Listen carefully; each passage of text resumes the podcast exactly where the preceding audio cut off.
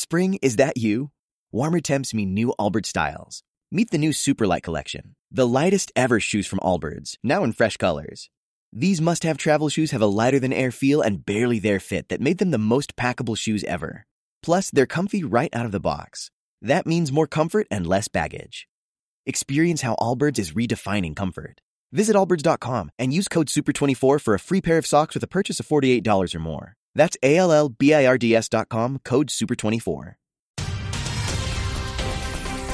Noticiesdelta.cat, el butlletí informatiu per saber tot allò que passa al Delta de l'Ebre. Hola, molt bon dia. Repassem l'actualitat de casa nostra. Dimarts va quedar constituït el nou comitè de cogestió de la pesca del Delta de l'Ebre. L'organisme està format per representants de les confraries del territori i d'entitats científiques i de recerca i té com a objectiu generar el màxim benefici de l'aprofitament del recurs pesquer alhora que es garanteix la conservació de les espècies. Aquest serà a partir d'ara l'òrgan decisori per a la gestió de les pesqueres professionals del Delta de l'Ebre i s'inicia el procediment per a l'aprovació del futur pla de gestió de la pesca professional al Delta. A més, també assumirà la gestió conjunta de les pesqueres del tram baix del riu Ebre, de les seues llacunes, la tancada, l'encanyissada, el canal vell i les olles, i dels canals proveïdors, així com de totes aquelles eh, que puguen tenir lloc a les aigües de les badies del Fangar i els alfacs. El nou organisme és una iniciativa de l'administració sorgida a instàncies del sector pesquer del territori i arran de l'experiència amb els plans de gestió del Cranc Blau i del Comitè de Cogestió del Pop Roquer de les Terres de l'Ebre. Entre les entitats que formaran part d'este comitè de cogestió hi ha les confraries de pescadors de Deltebre i l'Ampolla, a més de la de la Ràpida. Més qüestions. El Pla de Protecció del Delta de l'Ebre comptarà amb dragues marines per a la mobilització de les arenes. Així ho ha afirmat el cap del Servei Provincial de Costes Toni Espanya en una entrevista a Canal Terres de l'Ebre. A més, des del Servei Provincial de Costes es creu que el pla de protecció pot ser compatible amb l'estratègia Delta presentada per la Generalitat ara fa uns mesos. És una informació de la companya Blanca Carol. El Pla de Protecció del Delta de l'Ebre contemplarà la mobilització d'arenes marines amb dragues per a la correcta conservació d'aquest espai mediambiental.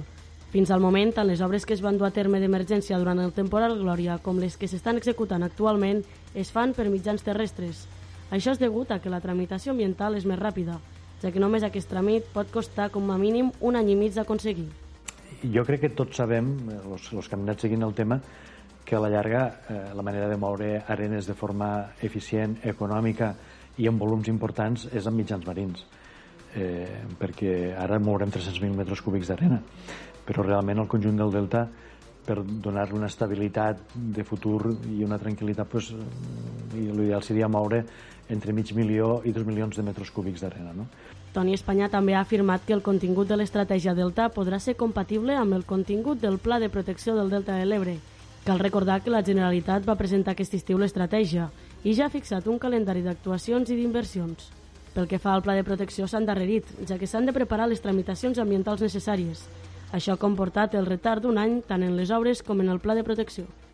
El document està preparat per passar la tramitació, però fins que la ministra o el secretari d'Estat no s'hagi reunit en la Generalitat i la taula de consens doncs, no es donarà el tret de sortida d'aquesta tramitació, que no serà molt llarga, serà 3-4 mesos, és a dir, que des del moment que hi ha un consens en el contingut bàsic del pla, pues, eh, jo crec que en quatre mesos la podrem tindre aprovat i tindrem un full de ruta ja a un horitzó de 15, 20, 25 anys que s'haurà fet per consens que per mi és el que més mèrit tindrà el pla de protecció. Mm -hmm. Pròximament es preveu que la ministra visiti les obres i es duguin a terme les reunions corresponents amb la taula de consens de la Generalitat per tancar definitivament el pla de protecció. Més qüestions. L'Ajuntament de l'Ampolla ha instal·lat dues estacions de recàrrega de vehicles elèctrics a dos punts diferents del municipi amb l'objectiu de promoure la mobilitat sostenible. Una de les estacions està ubicada als aparcaments del carrer Bassa del Mig, a l'entrada principal del municipi, i l'altra es troba al pàrquing de la zona lúdico-esportiva. Amb aquests dos nous punts, l'Ampolla disposarà de tres estacions de recàrrega de vehicles elèctrics, ja que actualment ja n'hi ha un de disponible al port pesquer. La regidora de Sostenibilitat i Medi Ambient de l'Ampolla, Meritxell Fages, Aragonès ha explicat que cadascun dels dos nous punts té capacitat de recàrrega per a dos vehicles i ha recordat l'aposta del govern municipal per promoure la mobilitat sostenible.